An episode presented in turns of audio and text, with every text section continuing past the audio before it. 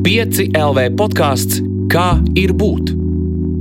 Par mūsu vietu pasaulē un pasaules vietu mūsos. Čau, šeit Elīna Balskara, un šis ir 5 LV podkāsts Kā ir būt?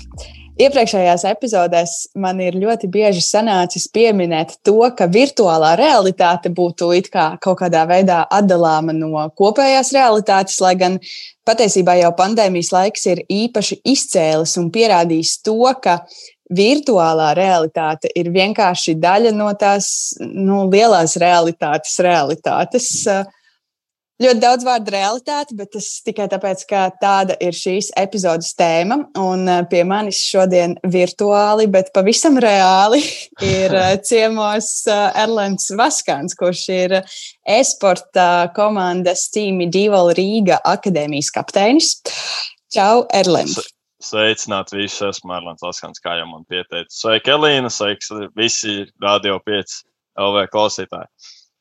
Super. Uh, Klau, mēs tikko pirms burtiski 15, 20 minūtēm es gribēju precizēt to tavu titulu, o, lai nenokļūdītos. Un, um, un tu man pēkšņi raksti, kur tu trenējies, kādā spēlē. Un, uh mhm. -huh. un es sapratu, man tajā mirklī galvā kaut kas noklikšķēja, jo es sapratu, ka tu nespēlē vienkārši spēles, tu trenējies spēlē, kas to padara kaut par kaut ko pavisam citu. Tāpēc, zinot, ka mūs noteikti klausīsies cilvēki, kuri spēlē, un zinot, ka noteikti klausīsies arī tādi cilvēki kā es, kuriem šī pasaule ir diezgan sveša, vai tu vari izstāstīt, kas ir e-sports, ar ko tu ikdienā nodarbojies un ko, ko tas viss vispār nozīmē?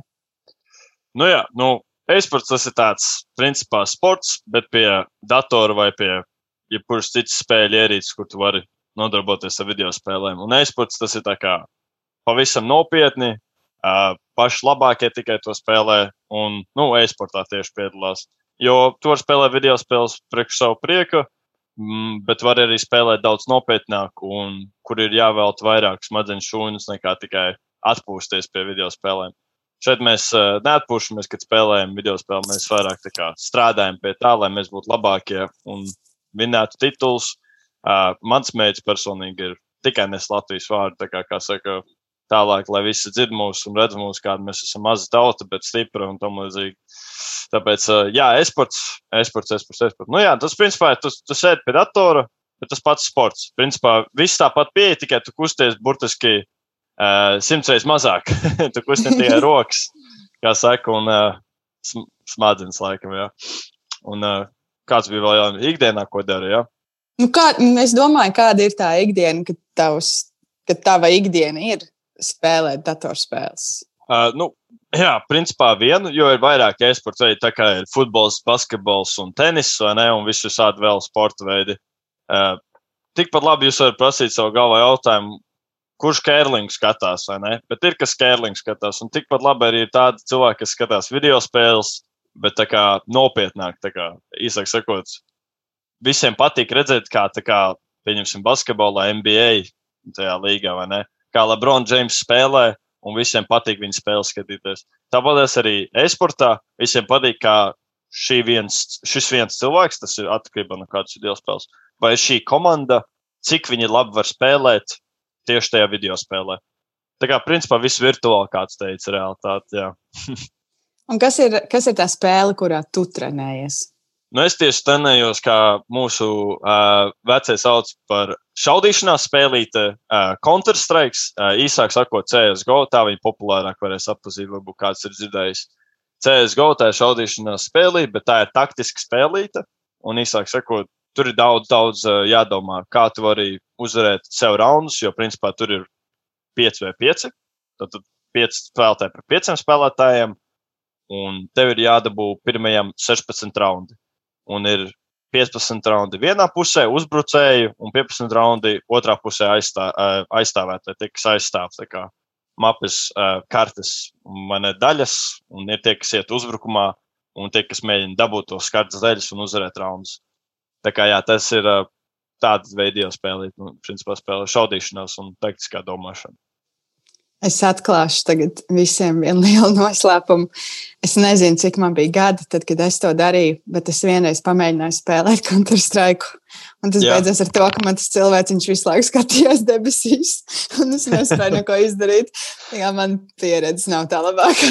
jā, jā. Nu, šī, spēle, šī spēles versija tieši pats spēle, tā ir kāda ceturtā versija no spēles. Principā ir bijuši vairāk gadi, jau tagad jau 20 gadus šī spēle kā ideja un arī kā spēle pastāv. Un šī tieši versija jau ir septiņus gadus. Un, eh, nu jā, tā kā daudzi latvieši, tīpaši tie, kas ir uh, no 90. dzimušie un 80. dzimušie, kā arī 70. vai ne, tie vi, visi varbūt ir redzējuši un spēlējuši šo mazo video spēlīt, kad vēl visas datori izskatījās kā lielas baltas kastes uz to, kā monitors. Un tas bija tas dators aptuveni, vai ne? Un tas, tie bija tie laiki, kad 1.6, Counter-Strike 1.6, tā ir viena no pirmajām versijām, bija populāra. Un varbūt man šķiet, ka tieši to spēli spēlēja tajā laikā. Uh, Bet tas, kas skatījās debesīs, nezināšu, kāpēc tas tā bija. Tāpēc, ka es nemācēju to cilvēciņu vadīt. À, tas nu, bija jā, nu. tas pirmais solis, ko vajag iemācīties jā. staigāt cilvēkam. Es to jā. neizpildīju. Izklausās diezgan smieklīgi. Bet um, sāksim par to dullo daļu par realitāti. Tā ir liela tēma, par ko mēs šodien esam apņēmušies runāt. Es uzreiz tev uzdošu vienu ļoti lielu jautājumu. E, tu esi īsts. Es īsts. Sāksim. Nu, es uzskatu, ka esmu īsti tik ļoti, cik man uh, redz cilvēku un dzird cilvēku un zina cilvēku. Man. Es varu būt kādam slavenībai, nu, pieņemsim, iepriekš minētais Lebron James vai, nezinu, Leonardo DiCaprio. Es viņam varbūt neesmu īsts, jo viņi man nekad nav redzējuši, dzirdējuši vai nu, zinājuši. Kā, tas ir īstenībā labs jautājums, kā, vai es esmu īsts. Jo es varbūt esmu īsts cilvēkiem, kuriem man pazīst, bet cilvēki, kur man nekad nav redzējuši, dzirdējuši vai zinājuši, es varbūt neeksistēju. Tā mēs dzīvojam visu dzīvi, vienkārši neiepazīstoties ar visiem cilvēkiem pasaulē. Kā tu vari, kā, kas tad ir tās lietas, kā tu vari apzināties savu īstumu, to, ka tu eksistē, kas ir tie pierādījumi, ko tu ikdienā vari saņemt no kaut kādas apkārtējās vidas, kas apliecina tavu eksistēšanu. Man šeit tā ir tā identitāte, kas ir katram cilvēkam. Tā kā, ja tu esi, nu, tev ir savs vārds, uzvārds, uh, nacionalitāte vai ne, no kurienes tu esi nācis, tas ir tā identitāte, kas tev veido un atmiņas, kas tev veido.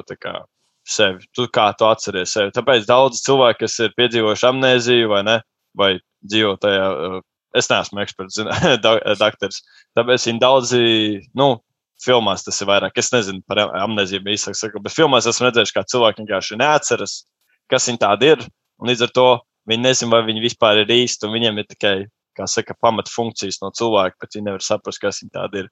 Tā kā jā, īstenība ir tik tālu, cik mūsu atmiņas mūs veido. Baigi interesanti, un baigi interesanti ir arī tas, ko tu minēji pirms tam, ka kādam cilvēkam, kurš tevi nepazīst, respektīvi nezina par tavu eksistenci, to arī īsti neesi īsts. Un Jā. es domāju, vai tas nozīmē, ka īsts ir tikai tas, ko es redzu un zinu, jo neskatoties uz to, vai es pazīstu, nezinu, cilvēku Brazīlijā, Viņš Jā. jau tāpat tur ir īsts. Ne? Tas jau nekas, ka es viņu nepazīstu. Tas ir īstenībā ļoti labs uh, salīdzinājums ar video spēlīt vienu, kas nāca tieši pirms Counter-Strike. Viņu sauc Half-Life. Tā bija tās uh, kompānijas Valve, ražotā spēlīte. Un tajā spēlītē bija tieši tā, ka tā kā, līdz ko tu aizēji vienā citā līmenī, iepriekšējais līmenis vairs neeksistē. Tu tur nevari vairs nokļūt un eksistē tikai tas līmenis un tā vieta, kur tu esi tagad. Tā kā tas ir pavisam reāli. Un, un runājot par īsto realitāti, ir tas, ka mēs redzam to skaitli, ka ir 7 miljardi cilvēku, tūlīt jau 8 miljardi. Uh, vai mēs viņus redzam katru dienu? Mēs katram varam iedomāties, cik izskatās tūkstoš cilvēku, vai ne? Nu, varbūt tikai futbolisti tur iedomāties, ka viņi spēlē uz stadionu. vai ne? Un, tipu, Baigi interesanti. Jā, tiešām zināmies, ka dzīve arī ir kaut kāda ne, spēlīta, kurā mm, tagad baigi salīdzināšu. Bet mēs jau arī varam principā darīt tikai tik, cik mums ir šobrīd. Mēs jau nevaram aiziet atpakaļ uz iepriekšējo līmeni, vai ne? Es nevaru ceļot laikā, aiziet Jā. uz vakardienu un kaut ko izmainīt tajā vakardienas situācijā, kurā es biju. Jā, vai tā ir īsta vakardiena? Interesanti. Vakardiena laikam vairs nav īsta, viņa ir tikai bijusi īsta. Tā es laikam teiktu. Nu, jā, jā nu. wow!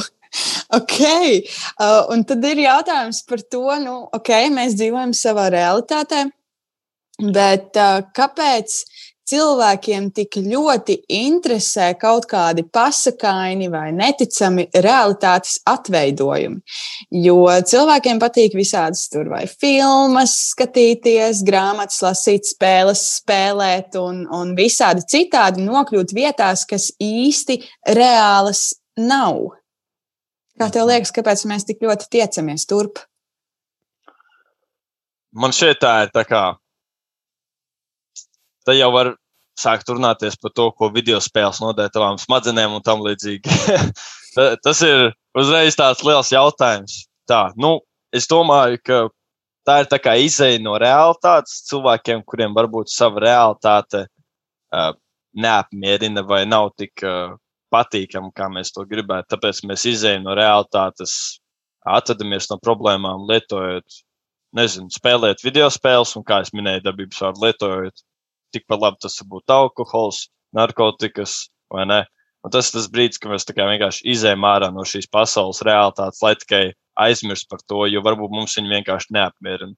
Un ir cilvēki, kur izteikti bez video spēlēm, narkotikām un alkoholu, un viņa dzīve ir fantastiska. Un man šeit tāpēc, mums, tāpēc, ka mēs zinām, ka ir tādi cilvēki, ir tas, kāpēc mūsos rodas neapmierinājums par mūsu realitāti.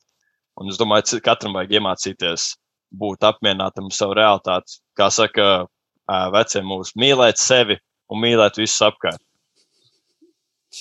Bet vai tev neliekas, ka jā, es piekrītu, ka reizes ir noteikti tādas, ka tas ir glābiņš no um, tās fiziskās ikdienas, kas mums ir apkārt. Un šeit es droši vien ļoti, nu, tas ir sanāk smieklīgi. Tu daudz spēlē spēles, es daudz uh, lasu grāmatas, un es varu atzīties, ka es bieži vien lasu, lai bēgtu no realitātes. Tas, tas ir viens no maniem iemesliem, kāpēc es to daru. Bet tajā pašā laikā, droši vien nevienmēr, varbūt ir reizes, kad šī, um, šī virtuālā realitāte ir drīzāk papildinājums, nevis glābiņš tas ir pilnībā, pilnībā es tā arī domāju. Tā kā, ka, tā kā, lai gan tas dažiem ir glābiņš, dažiem tas ir vienkārši kā papildinājums dzīvē. Jo, zin kā, ir tie, kas lieto alkoholu izklaidai, pilnīgi normāli tas ir. Un ir tie, kas, diemžēl, ir alkoholiķi. Tie nu, ir bezalkoholiķi, loģiski arī, bet nu, alkoholiķi, kuri uh, tas ir skaidrs, ka viņi izmūka kas, ka kaut kas neapmierina dzīvi. Tā kā ja mēs lietojam visu šīs uh, iespējamās izklaides iespējas priekš izklaides tieši un nevis priekš izmukšanas to pasaules, tad, jā, tad, tad, tad, tad tā es arī domāju, ka kā, tas ir papildinājums šai dzīvē, kas ir tik skaisti mums apkārt. Un kāds ir kopumā tavs viedoklis par eh, dažādu šo ārējo substanču, ja ne tikai spēļu, bet arī dažādu vielu pielietošanu savas realitātes paplašināšanai? Nu, es uh, narkotika eksperts neesmu, tāpēc par tām nerunāšu. Varbūt kādreiz zālīt esmu pavīvējis, bet tas nav priekš manis. Man, uh, esmu kā citādāk veids cilvēks.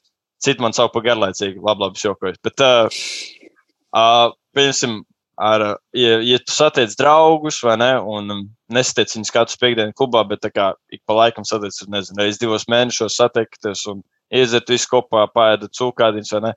Tas ir labs laiks pavadīts. Tur tur, tur, tur man tikai labi foršiet, un alkohols tikai visu tā kā pastiprina, visi jūtas brīvāki, atvērtāki, un tas ir tas, kas padara tās visas tās, uh, nu, satikšanās vai ballītes uh, daudz interesantāks un atmiņās paliekošāks. Tāpēc es domāju, ja, nu, ja, te, ja tev ir pareizi viss kārtībā galvā, tad tu vari mierīgi, kā saka, lasīt grāmatas, spēlēt video spēles un nekādīgi netiks slikti ietekmēts no tā. Kā tev liekas, kāpēc vispār ir tik populāri, nu, piemēram, e-sports un, un dažādas arī neprofesionālas darbošanās spēļu pasaulē? Tas tomēr aug, protams, aug līdz ar tehnoloģijām, jo arī tehnoloģijas attīstās, bet vai šis ir īpaši tā saucamajā Gen Z paudzē, ja, kad gamings ir Jā. vienkārši uzsprādzis. Kāpēc liekas, kāpēc tas ir tik aktuāli šobrīd? Nu, tas ir, tas ir, tas ir tāds plašs jautājums, kāpēc tas ir aktuāli. Jo es drīzāk teiktu, ka spēles, video spēles, viņas ir bijušas, eksistējušas jau no kāda laika iepriekš. Un agrāk tie, kas spēlē video spēles, kā jebkurš jaunais, modernais, kā saka, ideja vai izklaides veids, vai jebkas, kas dzīvē nāk jauns, daudz cilvēku vienkārši to noliedz, jo viņiem tas nepatīk. Tā kā tajā agrākajā laikā, nezinu, populārāk ASV 70. gados, neatceros, ka bija pirmā video spēle, vai ne? cilvēki, kas spēlē video spēles, viņi netika uzskatīti par normāliem. Viņi tika uzskatīti vairāk par cilvēkiem, kas tiek atstumti no sabiedrības, un viņi veidoja savu mazo sabiedrību. Tur. Tas ir tā kā, nu, tur sabiedrība veidojas kā pavisam dabiski. Un pēdējā laikā mēs redzam to, ka kā, cilvēki, kas uh, strīmo tādā straumas uh, mājaslapā Twitchā, viņi strīmo tur uh, savas, kā, kā saka, uh, personības, ne tikai video spēles. Un viņi varbūt netik pietiekami labi priekš tajās spēles, ne? Viņi varbūt ir pilnīgi nu, garām, viņi neprot spēlēt to spēli. Bet viņi spēlē, bet viņa personības kā tāds ir interesants. Un man šie cilvēki, bērni, ir īpaši viņi skatās, un viņi grib palikt par tādiem foršiem un harizmātiskiem cilvēkiem. Jo kādam citam vajadzētu būt cilvēkam, ja ne harizmātiskam, un priecīgam un jautram. Ne? Un tāpēc viņi visi tur spēlē video spēles un sadraudzējas ar cilvēkiem apkārt. Es nezinu, kāpēc tieši tagad ir video spēles foršāks. Varbūt tāpēc, ka viņas ir attīstījušās tik ļoti, ka to nevar atšķirt no realitātes. Tāpēc mums ir tāds uh, virtuālās realitātes bil, uh, brilles, kuras tu liec virsū, un tu vari burtiski iejusties, kāds tu esi uh, kādā video spēlē. Tas pat ir uh, tagad, runāsim ekonomiskā valodā, tas pat ir lielais tirgus. Tagad. Ne, ja nav runa par mobil, mobiliem spēlītēm, tad par virtuālā realitātes spēlēm, tas ir tur, kur viss tagad iet un veido spēles tieši priekš tā produkta. Un īsāk sakot, pelna naudu tur. Bet tas, jā, tas tikai attīstīsies tikai ar laiku, tā kā, nu, kā saka, evolūcija maziņa. Es par virtuālo, domāju. par virtuālo realitāti noteikti parunāsim, bet man likās interesanti, ko tu stāstīji par to harizmu un, un jautro cilvēku, kurš spēlē un, un straumē principā savu personību, nevis tikai nu, to spēli. Jo es pieļauju, Jā. ka ļoti daudziem, ja viņiem pasaka, gameris, ir tāda bildīta galvā par kaut kādu čāli, kurš sēž tumšā istabā ar kaut kādām uh, neonu, ne, jā, neonu gaismiņām kaut kur fonā. Vēl, vēl. Jā, jā, neonu gaismiņas, jā. Un viens pats sēž un diennaktī vienkārši tur spaida pogas un ritīgi spēlē. Kas tas ir par tēlu, ko tu saki, ka pēkšņi cilvēki iepazīstās? Jo es arī personīgi zinu, man ir vairāki draugi, kuri ir izveidojuši lieliskas draudzības tieši caur spēlēm. Tiem Jā. cilvēkiem, kuri nezina šo pasauli, vai tu vari sagraut to realitāti par um, to pagraba puisi, kas tur ar neonu gaismiņām fonā sēž, un izstāstīt, kā ir patiesībā, cik liels community, jeb kopiena tur uh, ir aizmugurē? Nu, teikšu uzreiz, tas pagraba puisīts vai ar neonu gaismiņām, ja viņš uh, visu, ko viņš darīja, spēlē, spēlīts un knap aiziet stolot vai knap kaut ko aiziet pāriest, tas nav veselīgi. Tas ir cilvēks, ko nevajag tā kā, tā kā atbalstīt, to drīzāk vajag saprast un palīdzēt viņam tikt ārā no turienes. Jo es pats, es, eh, es eju uz trenižera zāli, nu, tagad jau vairs ne, bet kā, mājās trenējos. Un uh, cilvēki, kad redz mani, uh, kas satiek mani, un mēs sākam runāties par dziļākiem tematiem, nu, vienkārši tāpatās, vai arī draugi, draugi sākam kļūt? Viņi man prasa, ko dari brīvajā laikā. Es saku, es spēlēju video spēles. Viņi man nespēja nocēt, jo tā kā es izskatos, kā, nu, ne pēc tā čalīšu no pagraba, es izskatos pēc čaļa, kas trenižera zāles iznācis. Ir. Un, uh, viņi man saka, ka tu video spēles spēlē, nevar būt. Nevar būt. Un, uh, kā, nu, jā, nu, visādi cilvēki spēlē mūsdienās video spēles. Un visveselīgākais veids ir nevis uh, 24, 7 sēdēt pagrabā, tā kā tāda vēl eksistē. Pavisam noteikti tas ir nenoliedzami.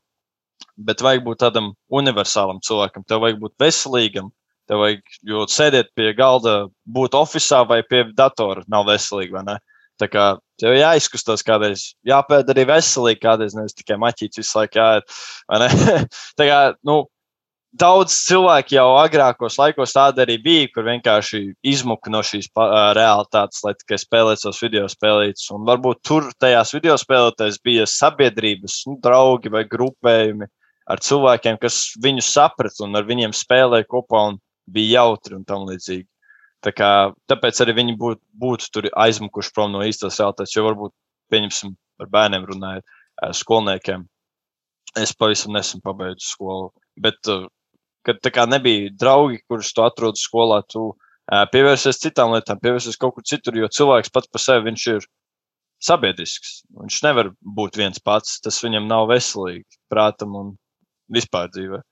Es tā domāju, tā kā jā, tur vairs nav tāda pagraba. Nē, ir, bet tie cilvēki, kas nedomā par sevi, bet kā, ļoti, teiksim tā, neatbildīgi. Mm. Bet kā strādā tā, tās kopienas, nu kā strādā tās draudzības, kas tur izveidojas attiecības? Tev ir, eh, es saprotu, jūs arī spēlējat tomēr komandās, jā? tā jā. nav individuāla spēle. Eh, kā jā, jūs veidojat šīs jā. attiecības?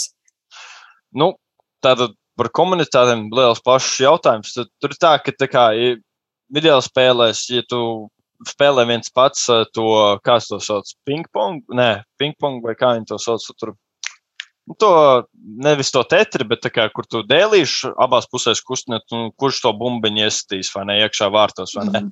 uh, tehniski, jā, nu, tur, tur tev vajadzēja kādu ar ko spēlēt, vai ne? Un no tā sākās, kad sākās internets, kad sākās tas viss, ko vajag pārraidīt kā, caur cilvēkiem. Uh, veidojas šie fórumi, šie, šie, šīs, šīs vietas, kur cilvēki dalījās domās par šo video spēli un tam līdzīgi. Un tas nav tikai viens tetris vai tam līdzīgi. Tur ir kad video spēlē sāk rasties stāsti, ideja, mēķis un plāns. Tā kā, tā kā dzīvē, vai ne, plāns, mēģis kaut ko sasniegt savā dzīvē. Viņi gāja tur un viņi mēģināja, kā es varu šo ātrāk izdarīt, kā, ko, vai es esmu izmēģinājis šo darīt, vai ne. Un tur veidojas šīs komunitātes. Un tas pats nāk, ka dabiski vienkārši izveidojās, ka kaut kādā veidā cilvēkiem bija uh, nepieciešams sakomunicēties ar citiem cilvēkiem. Un kā mūsu komanda izveidojās, Pavisam vienkārši. Tur vienkārši labi čaļi saspēlējuši kopā, saprot to, ka labi spēlē kopā, kāds piesakās būt par stratēģistu un vispār tik šaudās. Un Viss kārtībā. Nekas tur baigi nav. Tur vienkārši atradām viens otru un jā, izveidojam pagaidām vislabāko komandu, ko varam izveidot. Un noteikti arī lielākoties to laiku kopā visi augsim. Bet jā, ko tu vari? Man interesē, mēs tu arī pieskāries par to virtuālo realitāti, ka tā jau ir pavisam grūti atšķirama no uh, fiziskās realitātes. Jā. Vai, vai drīzāk pareizāk jautāt, ir kāda pēdējo reizi tev datorspēle ir likusies reālāka par fizisko realitāti? Un vai tu vispār vēl iedali to kā kaut kādas divas atsevišķas pasaules, vai tev tas jau ir pilnīgi kopā? Pareizais cilvēks, kuram paprasījāt. Labi, ka uzaicinājāt uz šo sarunu dzīvē, Sēterā. Es, ļoti priecājos, ka es tevi uzaicināju. Es esmu stāvējis sajūsmā šobrīd. Jā. Tieši šis ir ļoti, ļoti labs jautājums, jo ir uh, vēl viena spēlīte, kur uh, agrāk viņa nebija tik forša. Uh, nevis forša tādā ziņā, par bērniem viņa bija forša, bet viņa nebija forša vecākiem. Viņam nepatika tāda spēlīte. Jo ir dažas spēlītes, kuras vienkārši atļaujas darīt visu kaut ko. Uh, un uh, vardarbība un tam līdzīgi, un tam līdzīgi, tāpēc viņas nav bērniem domātas. Dažas spēles tiešām ir pieaugušiem domātas. Un bija viena tāda spēlīte, kas jau joprojām ir populāra. Viņu sauc GTA Grand Theft Auto. Ja? To es arī zinu. o, to tu zini, jā. Daudz, daudz to zina. GTA, CS un tā līdzīgi, jā. Um, nu, vat, šajā spēlītē ir, protams, ir bija iespēja komunicēt internetā? Un, un uh, ne tieši GTA 5, nebija tieši tur nesākās viss. GTA San Andreas. Tāda maza spēlīte, kur izveidoja nu, spēlētāji paši. Nevis, nevis kompānija, kur izveidoja to spēli. Paši spēlētāji izveidoja veidu, kā var internetā viens ar otru, saka, satikties vienā vietā. Un kad viņi saprata, ka viņi var ne tikai šaudīties tajā spēlītē, bet arī darīt tādu lietu kā roleplays. Viņi izveid, ir izveidojušies tik daudz. Tas, agrāk tas bija tāds vienkārši koncepts, pāris likumi, lai viss būtu godīgi visiem, vai ne? Bet tagad tas ir izveidojis tik liels uh, žanrs spēlēs, ka tu aizej tur un tu tēlo kādu cilvēku. Un uh, es esmu pats iekritis šajā lamatās, jo es esmu šajā spēlītē vienkārši aizgājis un vienkārši neatgriezies. Saka, tad es kļuvu par to pagrabu cilvēku uz to brīdi. Un labi, gan, ka es tiku vaļā, jo man tas tik ļoti aizrāva, tas uh, roleplays, ka tu izlaizies par citu cilvēku, kur tu dzīvē tev varbūt. Uh, es varu lamāties, bišķiņ, vai varbūt labāk nē. Nu, mēs, Labāk, mums nāksies izgriezt. Mums I, nāksies izgriezt. I, karoč, uh, karoč, paņem sev rokās labāk, vai ne? Un kā aiziet darīt kaut kādas tādas legālas vai nelegālas lietas, vai pastāvēt par sevi, vai ne? To tu varēji darīt tajā spēlītē. Protams, visam jābūt godīgam. Tā kā tev jāprot zaudēt, un tev jāprot uzvarēt. Jo tur ir tas prikals, ka kā, tur jāprot uzvarēt un zaudēt. Citādi, ja tu to neproti, tu izbojā visam jautrību no, tās, no tā žanra. Un tā, nu, tas ļoti interesanti, kā no tādas spēlītes izveidojas pavisam citas žanrs, bet te, izmantojot to spēlīti, kur cilvēki vienkārši izlaiks par citiem cilvēkiem. Viņi burtiski sēž mājās pie datora un iet strādāt darbu. Burtiski kaut kādu darbu, ka, ko viņš var būt miskastes uh, izvācējis tur uh, Rīgā šeit, vai ne? Un attēkt mājās un izlikties par tās uh, spēlītas pilsētas prezidentu. Un tas bija, man bija tas abnormāli, man bija tas wow tas bija nu, vesela pasaule. Bet lieta tāda, ja tu nosprāgsi, tu nenosprāgsi īstenībā. Ne? Tas ir bonus. Tu vari atļauties būt krimināls. Tas arī bija tas foršākais, foršākais ka tu varēji vienkārši būt uh, krimināls tur un darīt visādas jautas lietas, izlikties par noziedznieku un tam līdzīgi. Ko tu īstajā dzīvē negribētu darīt pār citiem. Bet tāpēc, ka tas ir jautri, uh, protams, uh, es nezinu, cik tas jautri būtu dzīvē noziedzniekam. Nenodošu sev vēl. bet, bet jā, tā spēle bija tieši tas. Un tiešām par to virtuālo realitāti tas ir tik tālu, cik tas ir īsti. Un, un tagad pauze uh, aizēju tālāk uz to, ka spēles ir attīstījušās tā, ka viņas izskatās, ka viņas ir reāls, uh, tā kā realitāte. Līdz ar to ir arī tajās spēlītēs, kur ir ļoti reāla viņa izskats. Nu, tā kā tu burtiski neatšķiri no realitātes, vai ne? tur arī ir izveidot šo roleplay žanru, un tad vienkārši cilvēks vienkārši ir savā tur elementā. Tur vienkārši mājās visu, uh, darbā strādā visu dienu oficiālā, un pēc tam mājās atnāk un tēlo kaut kādu noziedznieku no, nezinu, liepājas. Es nezinu, jebkurā gadījumā tas vienkārši ir ļoti tālu aizgājis, un ļoti, ļoti daudz cilvēku tur, kā saka, piedalās. Bet ir tāds, tāds klišejisks, droši vien, uzskats, ka ai, tie jaunieši iemācās visādas uh, muļķības un vat, uh, samācās uh, šaudīties un vispārējo, un tad savāds dusmas tajās spēlītēs un, un iet dzīvē un šaudās arī un, un dara pāri citiem. Um, tā droši vien domā kāds, bet kā tev liekas, vai tev liekas, ka tas ir bīstami, ka ir kaut kāda pasaule paralēli tai tavai realitātei, kurā tu esi pilnīgi cits cilvēks. Tu tur saskat kaut kādus draudus. Nu jā, kā es teikšu, iepriekš, kā es teicu iepriekš, kā, kad video spēles jāspēlē priekš izklaides, nevis priekš tā, lai izbūtu no īstās realitātes. Ja tu esi noziedznieks galvā, tad tu būsi noziedznieks arī dzīvē, lai arī ko tu esi darījis papildus tam. Um, ja tev viss ir kārtībā ar galvu un tu mīli savu dzīvi, tad uh, tu vari izlikties par noziedznieku un tu neko neizdarīsi tādu sliktu reālajā pasaulē. Tu tikai vari būt labi izdarījis, jo tu esi vienkārši cilvēks, kurš dara to, ko viņš grib darīt, un laimīgi jūtas. Tu tikai labi vari uh, darīt cilvēkiem apkārt. Un jā, par šo šaudīšanos un vardarbīgām spēlēm jau runājis ilgu laiku. Un vienkārši atbildi, kā, ja tev kaut kas no kārtībā galvā, tu tik un tā, tā kā, tu ne, nu, tev tik un tā nebūs. Tā kā, kā saka, kārtībā ar prātu. Un spēlē, ja kādu video spēli tu gribēsi, tik un tā izdarīs kaut ko sliktu cilvēkiem. Nu, jā, un runāja par sevi. Kā, vienīgais, ko man šaudīšanas spēles ir iemācījuši, ir taktiskā domāšana. Un, bet šaut ar ieroci es taču nemāku. Tas ir, tas ir pavisam nodeļ. Es izšaušu lodu, man ieroci aizlidos, kamēr es pats būšu uh, uz zemes, tā kā raustīšos. Ah, Dievs, izšāvas to ne? Kamēr te, tas ir tālu no realitātes. Un es netaisu šaudīt cilvēkus tikai tāpēc, ka es šaudu viņus, eh, ja spēlēju. Tas ir pilnīgi nu, muļķības, es teiktu. Bet tieši Korejā, man šķiet, bija Dienvidu Koreja. Viņi ir, viņiem baida, eh, mums ir nacionālais sporta veids hokejs, viņiem nacionālais sporta veids ir e-sports, nu, kibersports, tā arī citos vārdos sauc. Un viņas burtiski ar miniekus kaut kur bija teikts, ka viņi tieši CS 1.6 versiju ir eh, burtiski likuši viņiem spēlēt, lai viņiem attīstītos taktiskā domāšana. Kad es to dzirdēju, man liekas, nereāli, bet tas ir realitāte, kas tas agrāk bija. Es nezinu, vai tagad viņi to dara. Viņi burtiski spēlēja video spēlīt šaudīšanos, lai attīstītu savu taktisko domāšanu ar mīnieki. Pilnīgi absurds. Bet, uh, jā, man taktiskā domāšana, es biju aizgājis paintball uz airsoftu, Es burtiski rāpoju pa zemi. Bija sniegs, e, airsoftā vai ne? Spēle bija sniegs, un es rāpoju. Es jutos kā karavīrs, vai ne? Protams, man, ja man kāds iešaus, es dzīvošu. Man tikai sāpēs bišķiņ. Bet es rāpoju kā karavīrs kaut kādu pusstundu, lai dabūtu karogu kaut kādu, jo viss manējie komandas bija skrēja un nosprāga. Man vajadzēja vienam pašam izlūgt visu komandu, lai uzvarētu. Jā, ļoti, ļoti tā kā, tā kā jā, nu, izsaka tas viss ir priekš izklaides. Un ja tas kaut kas eh, pāradresējas uz pāradresējas uz realitāti, tas ir tikai tāpēc, ka tam cilvēkam kaut kas nebija galvā pareizi. Tā kā mhm. jā, es nezinu, kāpēc šis tāds koncepts ir, bet, nu, jā.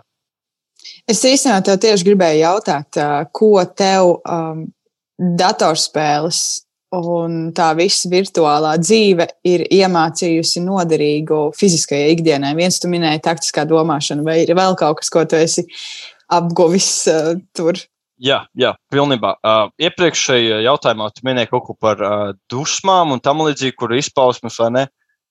Cilvēki, kas spēlē futbolu, basketbolu, arī viņi paliek dusmīgi, ka kaut kas nav kā viņiem gribējās, lai tas sanāk. Tā kā, ja kaut kas notiek dusmīgs, viņi tur vicinās rokas, tikai mums pa ceļam pagaidās galds, tāpēc es izklausos skaļāk. Mēs pa galdu uzsidām un viss, visa māja, principā, ir augšā, vai ne? Kas te notiek, vai ne? Futbolisti viņi vicina rokas, viņi taču nekam neiesatīs, vai ne? Tā kā visi eh, sporta veidos, līdz ko ir sāncensība, cilvēki kļūst ļoti, ļoti agresīvi. Tāpēc, tas ir vienīgais veids, kā uzvarēt. Kā, ka tu esi pilnībā fokusējies, un tev tas nozīmē ļoti daudz ko. Uh, un tāpēc arī, kad ir zaudējumi vai neveiksmes, tu asi reaģē. Uh, Atkārtot, katru vēl, ko man vēl iemācīja. Ja? Jā. Nu, un ko man iemācīja šī spēle, ir tas, ka uh, burtiski uh, menedžer, um, mm, kontrolēt emocijas, noteikti. Jo šeit arī neveic, šeit tas arī var palikt dusmīgs, ja kaut kas neveic. Ir nozīmē to, ka iemācīs sadarboties ar komandu. Uh, diezgan abstrakti, kurš man CV klausīsies, ja es iesniegšu darbā. Nu, es izvēlos tomēr nespēlēt uh, kā e-sports, nekļūt par e-sportu. Tas nav reāli. Man, es domāju, es būšu e-sports. Bet, nu, iedomājamies, kā piemēram, ja es aizēju uz CV un ierakstu, uh, Es biju e-sporta komandā, e, e, kapteinis, strateģists, e, protu komandā spēlēt. Neuzsveras nopietni. Viņi domās, ka tu viņus izjauko. Es arī, es arī, ja es ne, nesaprastu neko par pasauli, domāju, ka man te izjaukojas viņu CV izmest misrē. Tā kā, jā, komandas spēle, taktiskā domāšana, kā saka, kontrolēt emocijas, saprast cilvēkus. Daudz cilvēki vienkārši pilnīgi atšķirīgi, un tev jāprot viņus visus vadīt. Tīpaši, ja tu esi līderis komandā, un tev ir jāsaprot, tas cilvēks, tas, uh, pieņemsim, jau kādreiz biznesu vadīju, tad tas pilnībā man sāka palīdzēt, nu, vismaz šis sākums. Un man ir bijuši vairākas komandas jau līdz šim, un katrā komandā ir bijuši visādi cilvēki, cilvēki ir dažādi. Tie, kas ir godīgi sirdī, un tie, kas nav godīgi un dara visu aiz muguras, tas ir jebkurā dzīvē. Tā kā bērni klausās. Tā kā nevar uzstāties visiem cilvēkiem, vajag uh, uzzināt cilvēkus, kādi viņi tādi ir no sā, paša sākuma, pirms to ar viņiem var sākt sadarboties. Nu, jā. Tā man, kā, jā. man uh, liekas lieliski tas, uh, cik ļoti tu turpini sagraut to tēlu par to čalīti pagrabā, jo nu, man viņš liekas parādīt. Iz... nu, es domāju, tik ļoti arī tajā tieši, nu, uh, um, komandas ziņā un tajā, cik patiesībā nu, tava ikdiena ir saistīta ar cilvēkiem, ar darbu ar cilvēkiem. Un, un man gribētos cerēt, ka mēs dzīvosim nu, tādā pasaulē, kurā, nu, piemēram, ja tu pēc desmit gadiem būsi darba devējs. Es domāju, ka tu būsi tas cilvēks, kurš novērtēs, ka kādam CV ir ierakstīts, ka viņš ir spēl, bijis tur komandas kapteinis. Noteikti, komandā, ja, ja šeit viss sagrausies sapņus, noteikti sapratīšu, ja cilvēks ir bijis komandas kapteinis. Nē, nu, kā man ir teikuši jau līdz šim, es, varu pieteikties kaut kādam papildu laiku darbam. Es nosūtu CV, jo tā ir formalitāte. Tā kā man teica, kā, kā, kāds tu pastāst par sevi, vai ne? Un es saku, Tas, tas, un kur tu mācies? Es ierakstīju to CV. A, kur tu agrāk sāki ierakstīt to CV? Nu, mēs CV nelasām, tur tāpatās var sarakstīt visu kaut ko. Tā kā, nu, uh, ja man pateiks intervijā pretī, man teiks, ka es biju šajā spēlē, kapteinis un tam līdzīgi, un man tas ļoti labi izdevās, jo rekur rezultāti un tam līdzīgi. Es teikšu, lieliski, nāc, šit, nāc tik šurpēcī, vai ne? Tas tā aptiem. Tu, tu minēji, ka tu esi iemācījies arī kontrolēt savas emocijas. Vari pastāstīt, kā tu kontrolē savas emocijas? Labi, Man nu, noderētu. Nu, tā, es, es, es, es, es neesmu eksperts, bet es mācos. Bet agrāk es biju ļoti, ļoti ass, kad kaut kas notika. Un kā kontrolēt emocijas, nu, būšu mazliet, saka, atklāts ir dažādi veidi cilvēki, un tieši kā tev kontrolēt emocijas, nespēju emocijas, es varu tikai pateikt, kā es to daru. Es vienmēr skatos un, un redzu kā, sevi pagātnē, kā es esmu reaģējis. Un es redzu to, ka pienāk tā situācija atkal, jebkāda situācija. Tur kaut kas neizdodas, kaut kas ar uh, granātām, ko vajadzēja uzmest, nesanāca vai ne vai kaut ko kāds komandas biedrs izdarīja to, ko es viņam neteicu, un es uzreiz kā asi reaģēju. Es uzreiz kā, atceros, ka, ok, šī atkal ir tā situācija, man ir jāievēl, jāievēl gaisa sistēmā, vai ne? Jo realitātē, kā, lai arī kas notiek, ši, šis nav armija, vai ne? Es neesmu armijā bijis, vai ne? Šis ir tas, kad, kad es būšu armijā, tad varēšu es pani, panikā būt, ka man tūlīt tās aplenks un es būšu principā beigas. Tas ir vienīgais uh, iemesls, kāpēc es varu sevi kā mierināt. Kā, vecīt, tā ir tikai video spēle, tā ir burti, tu paši pa futbolu var teikt. Tas ir tikai spēle, vai ne? Neviens tev netaisās nogalināt. Kā, kāpēc tev vispār ir jāuztraucas? Ne? Vienkārši nesanāca. Domā, ko darīt tālāk, ja spēle vēl nav beigusies vai arī pēc spēles paskaties spēles ierakstu un domā, ko tu vari darīt nākamais labāk. Vienkārši patur to visu sevī pagaidām, un pēc spēles izrunājas ar komandu par to visu. Viss. Un burtiski tādā veidā es vienkārši saku, ok, šodien mēs darām šo, nesanāca, šodien mēs darām to, nesanāca, šodien mēs darām to, sanāca. Nu, un, tas, un pēc spēles mēs vienkārši mācāmies, kā spēlēt labāk un lai sāk pelnīt lielo piķi, kā saka. Jo tur eh, ne jau tikai es iešu esportis, būšu un nepelnīšu piķi, kurš tam maizes liks uz galda. Ne jau, ne jau uh, vecāki visu laiku liks uz uh, maizes galda. Ne, jā, pašam jā, jāsaka pats, dzīvot arī kādreiz. Tā kā jā. Un tas, man liekas, ir interesanti, jo tu saki, ka arī futbolists, piemēram, saka sev galvā, ka šī ir tikai spēle, bet tajā pašā laikā nu, tā nav tikai spēle. Nu, kaut kādās lielajās līgās vai tam līdzīgi, tas ir viņa darbs, vai ne? Tā vairs Protams. nav spēle. Un Protams. kur ir tā robeža, kad tu saproti, ka, ka jā, nu, tev tomēr ir jācīnās līdz galam? Protams, uh, lai arī cik mēs gribam domāt, ka te ir komandas spēle, katrs tomēr ir par sevi bišķiņu. Tāpēc katram ir jāstrādā. Tie, kas ir, zinu, ko pateikšu īsāk, tie, kas ir pelnījuši, te, tagad, tie, tur, kur tu tagad atrodies, to tu esi pelnījis. Okay? Tātad, ja tu tiec izmest no savas uh, foršās futbola līgas, un tu tagad pelni grašus kādā mazākā līgā, vai ne? Tā ir tikai un vienīgi tava vaina. Neviena cita vaina. Tur ļoti maz gadījumu ir, kad ir cita vaina. Tā kā ja es uh, neesmu tur, kur es tagad gribu būt, tā ir tikai tāpēc, ka esmu pelnījis tikai šeit būt, kur es esmu. Tā kā tas ir īsāk sakot. Man jau gribās uzreiz tevi apvienot, protams, jo es iedomājos, ka tomēr katrā komandā droši vien ir kaut kāda hierarhija, un arī tu pieļauj, kā kapteinis, piemēram, um, nu, tev arī ir kaut kāda atbildība tādā ziņā, ka tev ir jāierauga droši vien katra dalībnieka nu, tās stiprās un vājās puses un jāspēj vadīt. Un es iedomājos, ka es esmu futbolists, nenormāli talantīgs aizsargs. Jā. Uh, bet man visu laiku liekas, spēlēt uzbrucējos, un neviens vienkārši nesaprot, ka es īstenībā esmu vienkārši pasaulē labākais aizsargs. Vai tad arī tā ir mana vaina, ja es esmu ielikta nepareizajā vietā? Nu, jā, no katra, katra citāta var izlaukt vienu situāciju, kur kā, tas notiek uh, pretējais. Jā, nu, protams, jā, tajā brīdī tā nav tikai tava vaina, bet tad atkal kādu komunicē ar to cilvēku, kurš ir atbildīgs par to, kur tu atrodies uz laukuma, vai mūsu gadījumā, kur, ko tu dari komandas ziņā vislabāk, vai ne, un ko tu dari, un kurš ir atbildīgs par to. Cik daudz tu komunicē ar to cilvēku, vai viņš tev pasaka, tu neesi labs aizsargs. Tas, pieņemsim, kočs pasakā, vai menedžers vai komandas īpašnieks. Viņš saka, tu neesi labs aizsargs. Tu vienkārši neesi pamanījis to, ka esi labs uzbrucējs, vai ne? Viņš to var pateikt, un tu visu dzīvi domā, ka esi labs uzbrucējs, tev, bet tev īstenībā vajadzēja būt aizsardzībai, vai? Tas ir situacionāli. Tu nevari, un es neteiktu to, ka uh, treneri vai es kā vadītājs esmu tik nekompetents, ka es nepamanīšu, ka cilvēks dara kaut ko citu labāk nekā šo. Tāpēc ir tā, ka mūsu komandā ir piecas lomas, un katrs, nu, aptuveni piecas lomas, jo daži prot arī pārējās lomas.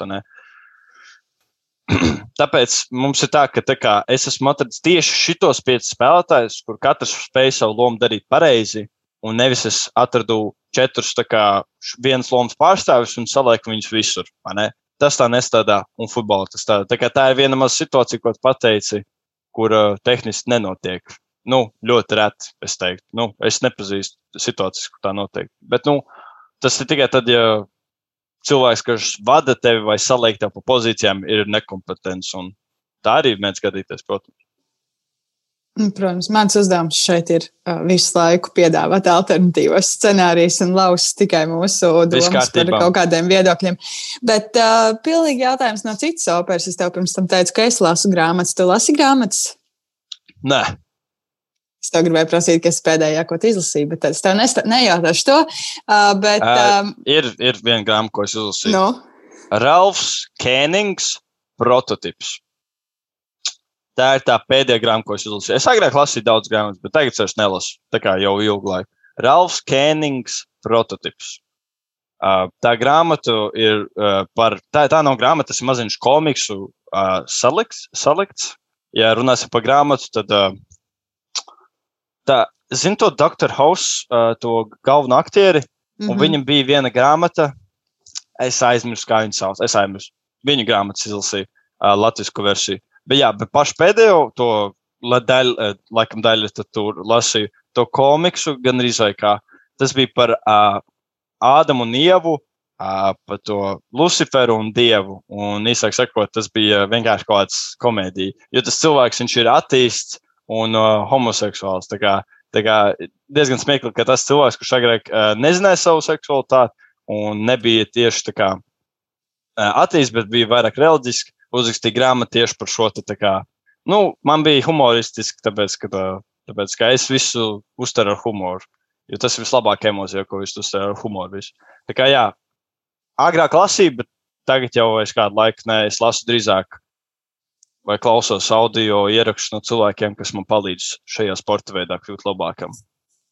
Principā es, viss.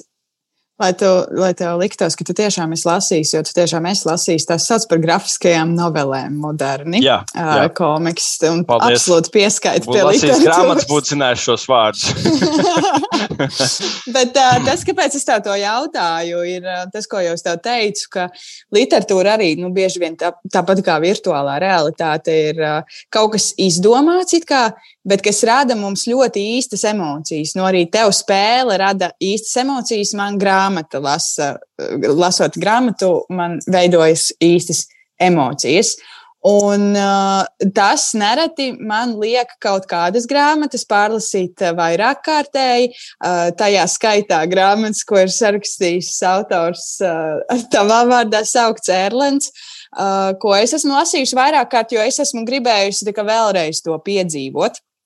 Vai virtuālajā realitātē arī ir kaut kas nu, tāds, un kas ir tas, kas liek cilvēkiem atgriezties tur vēl un vēl? Nu, tad, eh, nu jā, kā mēs teicām, kā es aizrāvos vienreiz ar to roleplay žanru, un es tur pazudu uz diviem mēnešiem, vai ne, un pilnībā vienkārši neredzēju pasauli, draugus nesatiku un tam līdzīgi. Bet labi, ka tas bija vasaras brīvlaiks, man bija kaut kādi 12 gadi. Tad.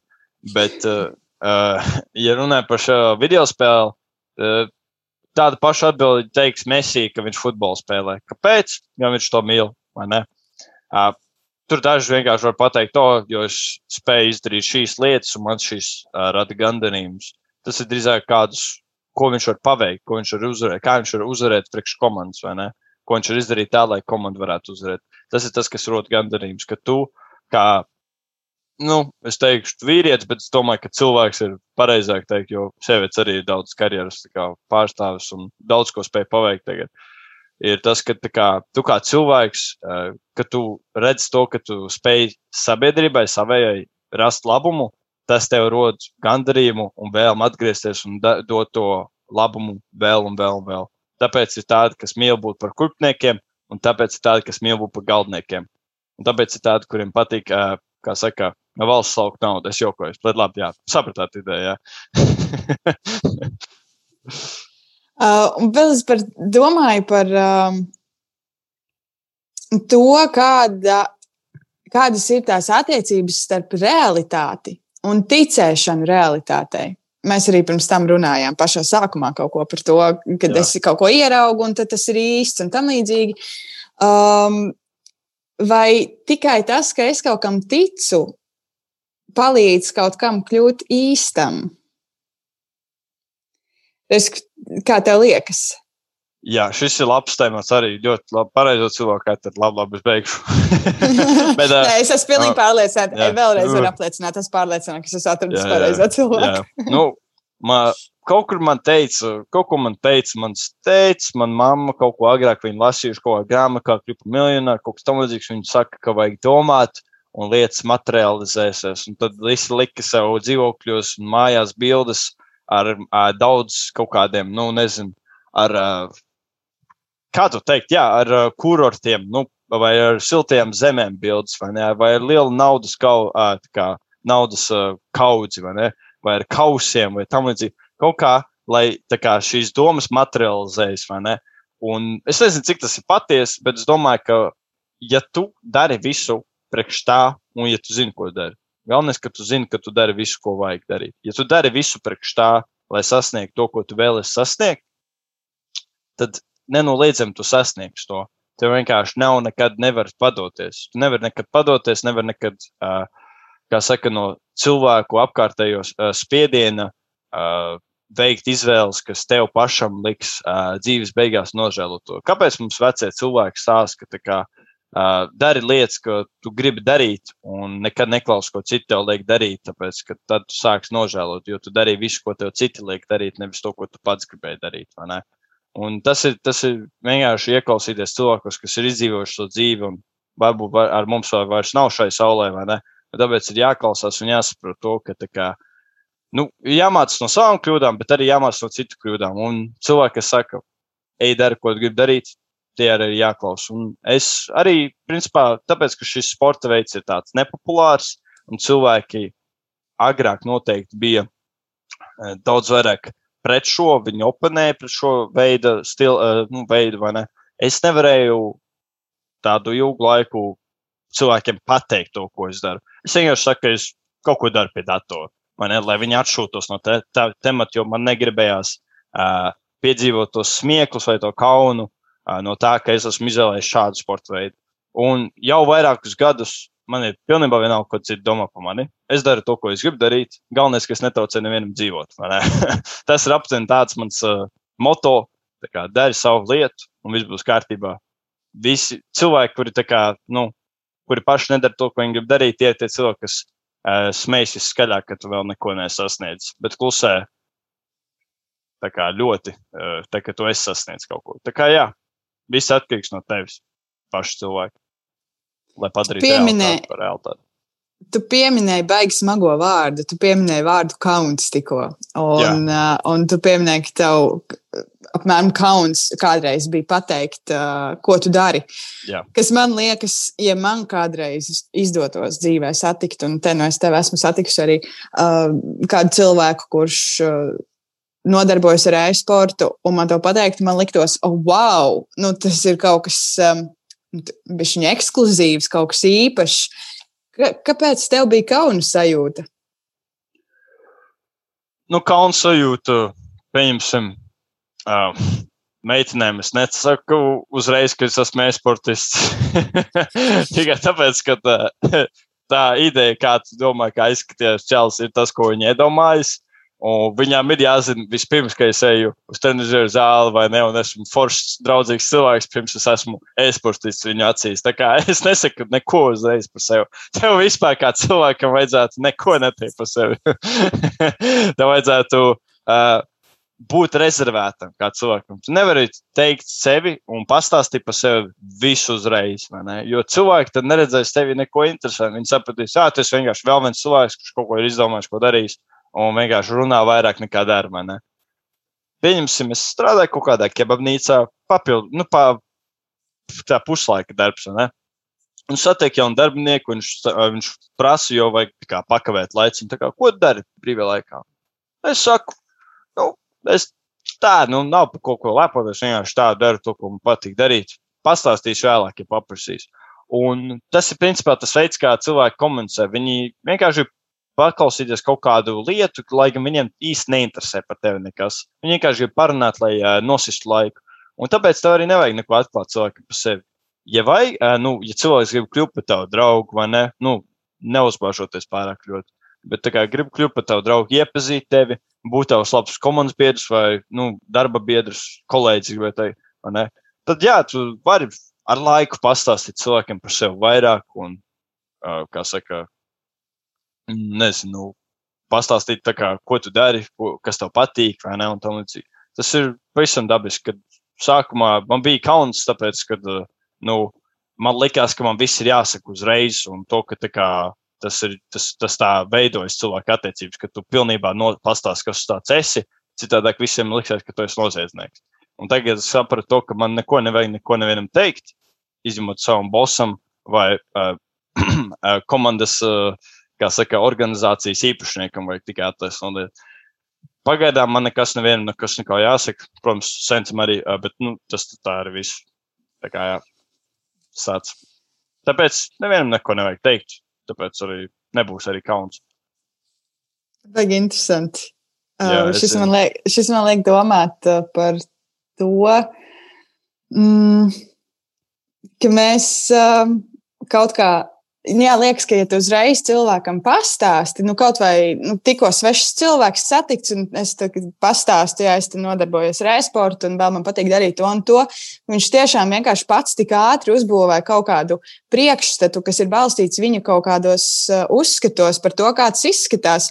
Viņš tev uzreiz attiecina uz tevi to bildīt. Kaut gan patiesībā tā tava realitāte ir pavisam citāda, kuru tajā brīdī viņš precīzi nevar uzzināt, un precīzi tiešām var uzzināt tikai kaut kādās ilgtermiņa attiecībās vai ne ilgtermiņa draudzībā, un pakāpeniski atklājot to. Citādi, jā, viss domās, ka tu sēdi pagrabā. Jā, tieši tā. Tāpēc, ka uh, tas, tas, tas tā ir, tā, tā es esmu sapratis pagaidām. Vēl tikai jauns, esmu 21 gads man ir. So, es jau mēģinu saprast, kā labāk dzīvot šo dzīvi, vai ne? Un redzot to, ka kā, cilvēki, nu, grib iepazīt tevi, bet vai viņi tiešām grib iepazīt tevi, vai tikai nosis laiku runājoties ar tevi vai ne. Pavisam dabiski tas ir, tas nav nekas, kas būtu jāšaust un jāsaka, ko tu te, te nosis laiku, gribi strādā, vai ne? Nu, parunājis, parunājis, bet parunājis par kaut ko tādu, kas tā kā visiem ir viegli aprunājums. Nu, es nezinu, to, kas notiek pasaulē, to, kas nenotiek pasaulē, vai ne, un tam līdzīgi par darbu, vai nezinu, kaut ko citu. Bet tā nevajag atklāt sevi, vajag ar laiku cilvēkiem ļaut iepazīt tevi. Tāpēc, ka tad tu sāc veidoties par cilvēku, kurš kā, ir interesants. Nevis tikai runā un sāc par sevi, o, es esmu šis, tas un tas tam līdzīgi, vai ne? Tu pasāst. Es, es esmu, man sauc šādi, man ir kā, šādi patīk, ko es daru brīvā laikā. Nu, labi, es daru šo, bet kā, vai es uzreiz saku, ko es daru, vai ne? Es īsti nesaku, jo cilvēki saprot, ah, vēl naudu ar to. Es saku, nē, vēl nē. Tad kāpēc to dara, ja nepelnā naudu? Tāds, reku, tad strādā kebabnīcā, tad jāstāv, jāpelnā naudu šeit. Ne? Saka, nu, šis papildus laika darbs. Ok, ok, ok.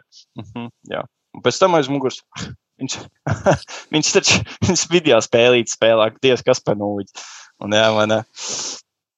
Tā kā jā, nu, nav un visiem jāstāsta viss. Jā, kad es uh, agrāk šajā sarunas laikā stāstīju par to, ka es kādam pastāstīju, ka esmu gamers un viņi tā kā neticēju tam, tāpēc, ka tā, dažiem cilvēkiem es uzreiz, dažreiz vienkārši uzreiz saku, es spēlēju šo spēli, vai ne, šo CSGO spēlēju. Man bija vienalga, vienkārši labi uzreiz pasaku. vienalga. Kaut vai, lai iet, lai zinātu. Un, un tiešām bija tas pārsteigums, o, oh, spēlēt CSGO, neizskaties pēc to, kas spēlē video spēles. Nu jā, mm. nav tā. Teicu, ka var parunāt par pasauli. Es arī gribu ar tevi nedaudz parunāt par pasauli. Uh, kā tev liekas, cilvēki baidās no īstenības? Jo um, es domāju, mēs bieži vien pieskaramies divām tēmām, kurām mēs Jā. arī pieskarsimies uh, podkāstā ar tevi. Uh, piemēram, klimata krīze. Vai tev neliekas, ka kaut kādā veidā mums ir bail rīkoties pa īstam, jo mēs baidāmies no tās īstenības, un mēs baidāmies uzņemties atbildību, un tas viss kaut kā mm, jā, noved pie tā, ka varbūt mums vienkārši ir bail pieņemt to, kā ir. Bail pieņemt to realitāti. Realitāte par klimatu krīzi? Piemēram, jā, noteikti ir vairākas, ir, ir daudz dažādas problēmas mums pasaulē šobrīd, īpaši, nu, bet uh, tas būtu tikai viens piemērs. Varētu būt arī kāds cits.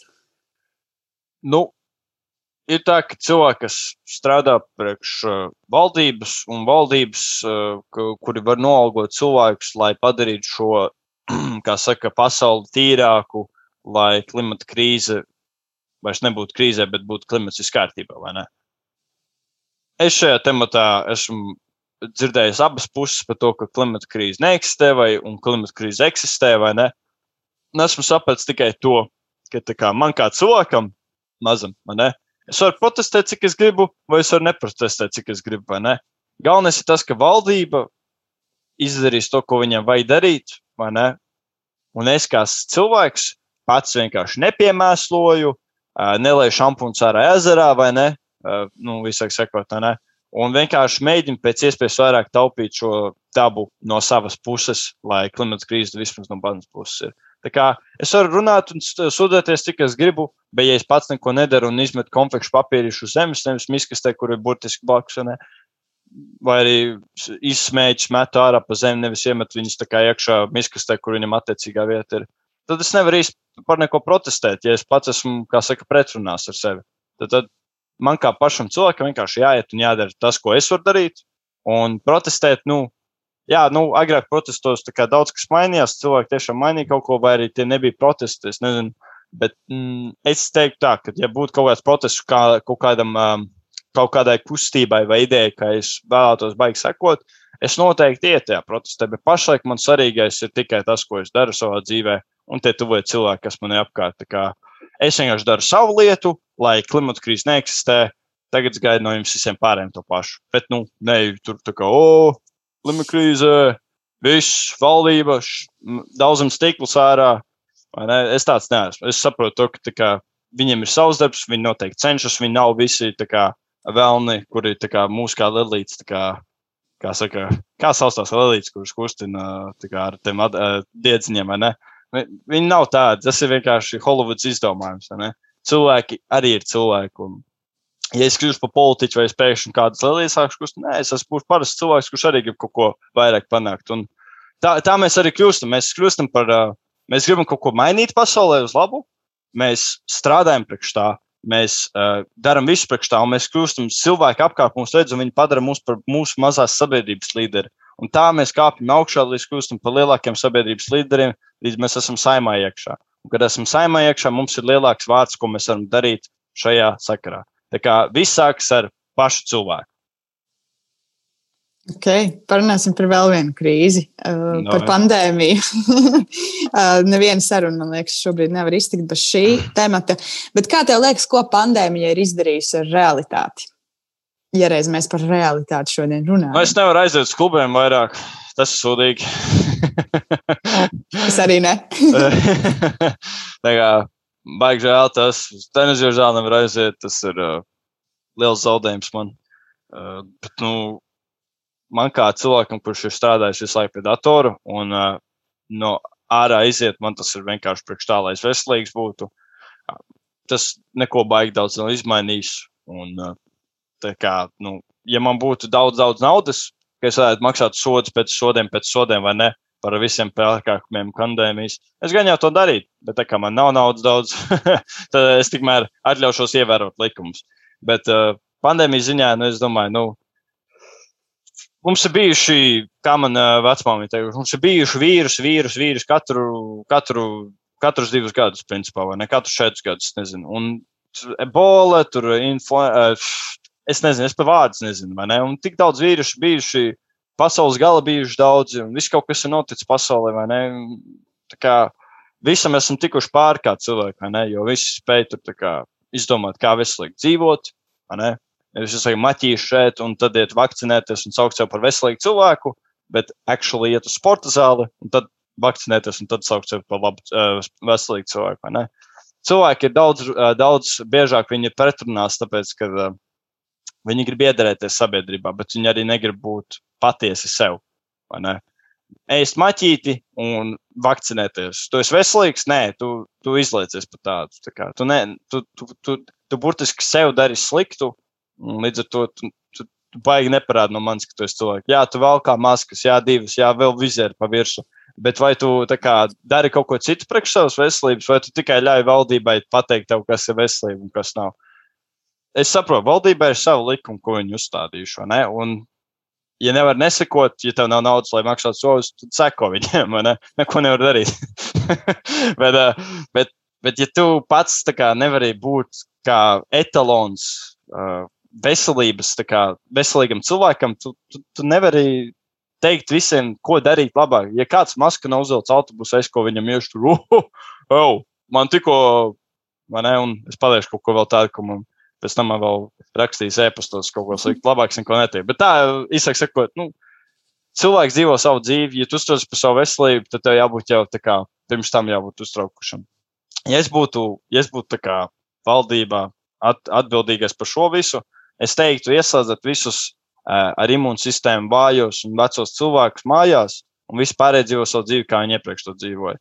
Jo veci cilvēki, viņi tā jau maz kustas, un viņiem vajadzēja kustēties, bet ja tā pandēmija ir nu, slikta daudziem cilvēkiem, bet lielākoties fatāla. Fatāla, tā ir Latvijas letāla, letāla. Ja.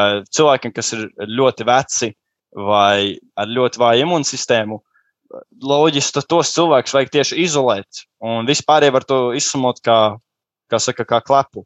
Un tas ir mans viedoklis. Bet uh, tas, ka es, uh, es sekoju visiem norādījumiem, tā kā nevajag man te saukt par uh, kaut kādu covidiotu, vai ne? Es uh, velku masku, jo man nav naudas, par ko maksāt par tiem sodiem. Tā kā, jā.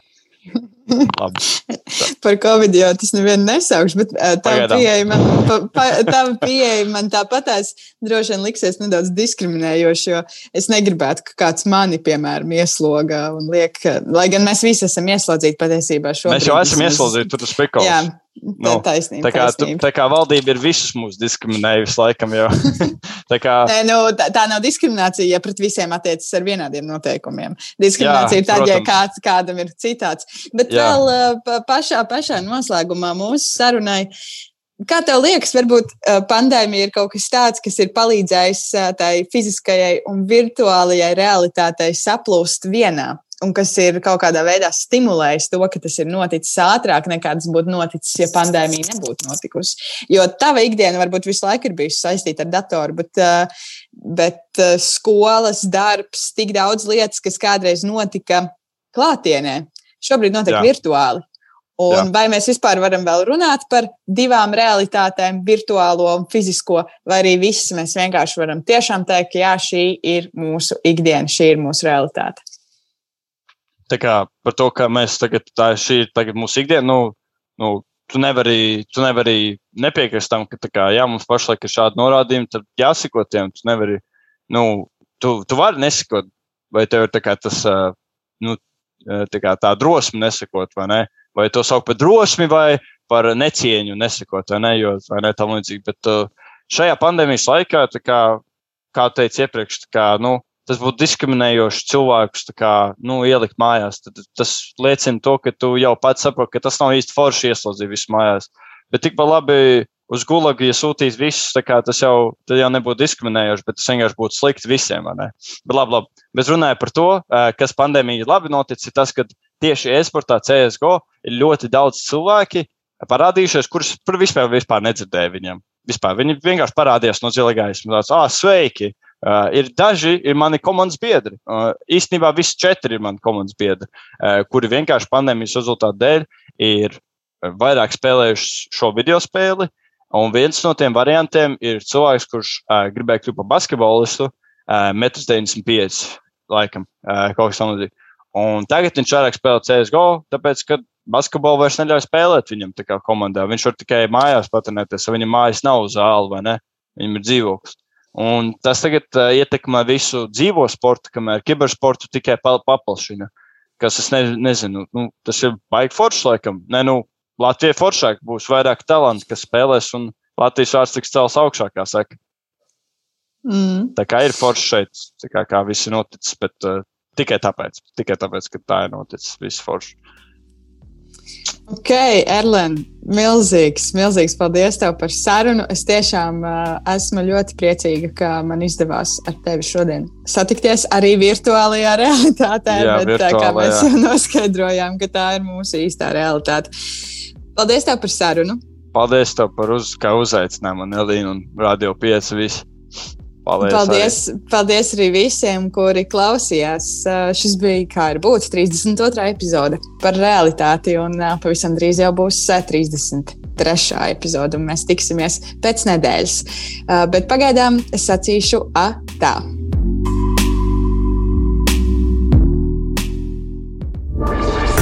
Projekts tapis ar Eiropas parlamenta finansiālo atbalstu.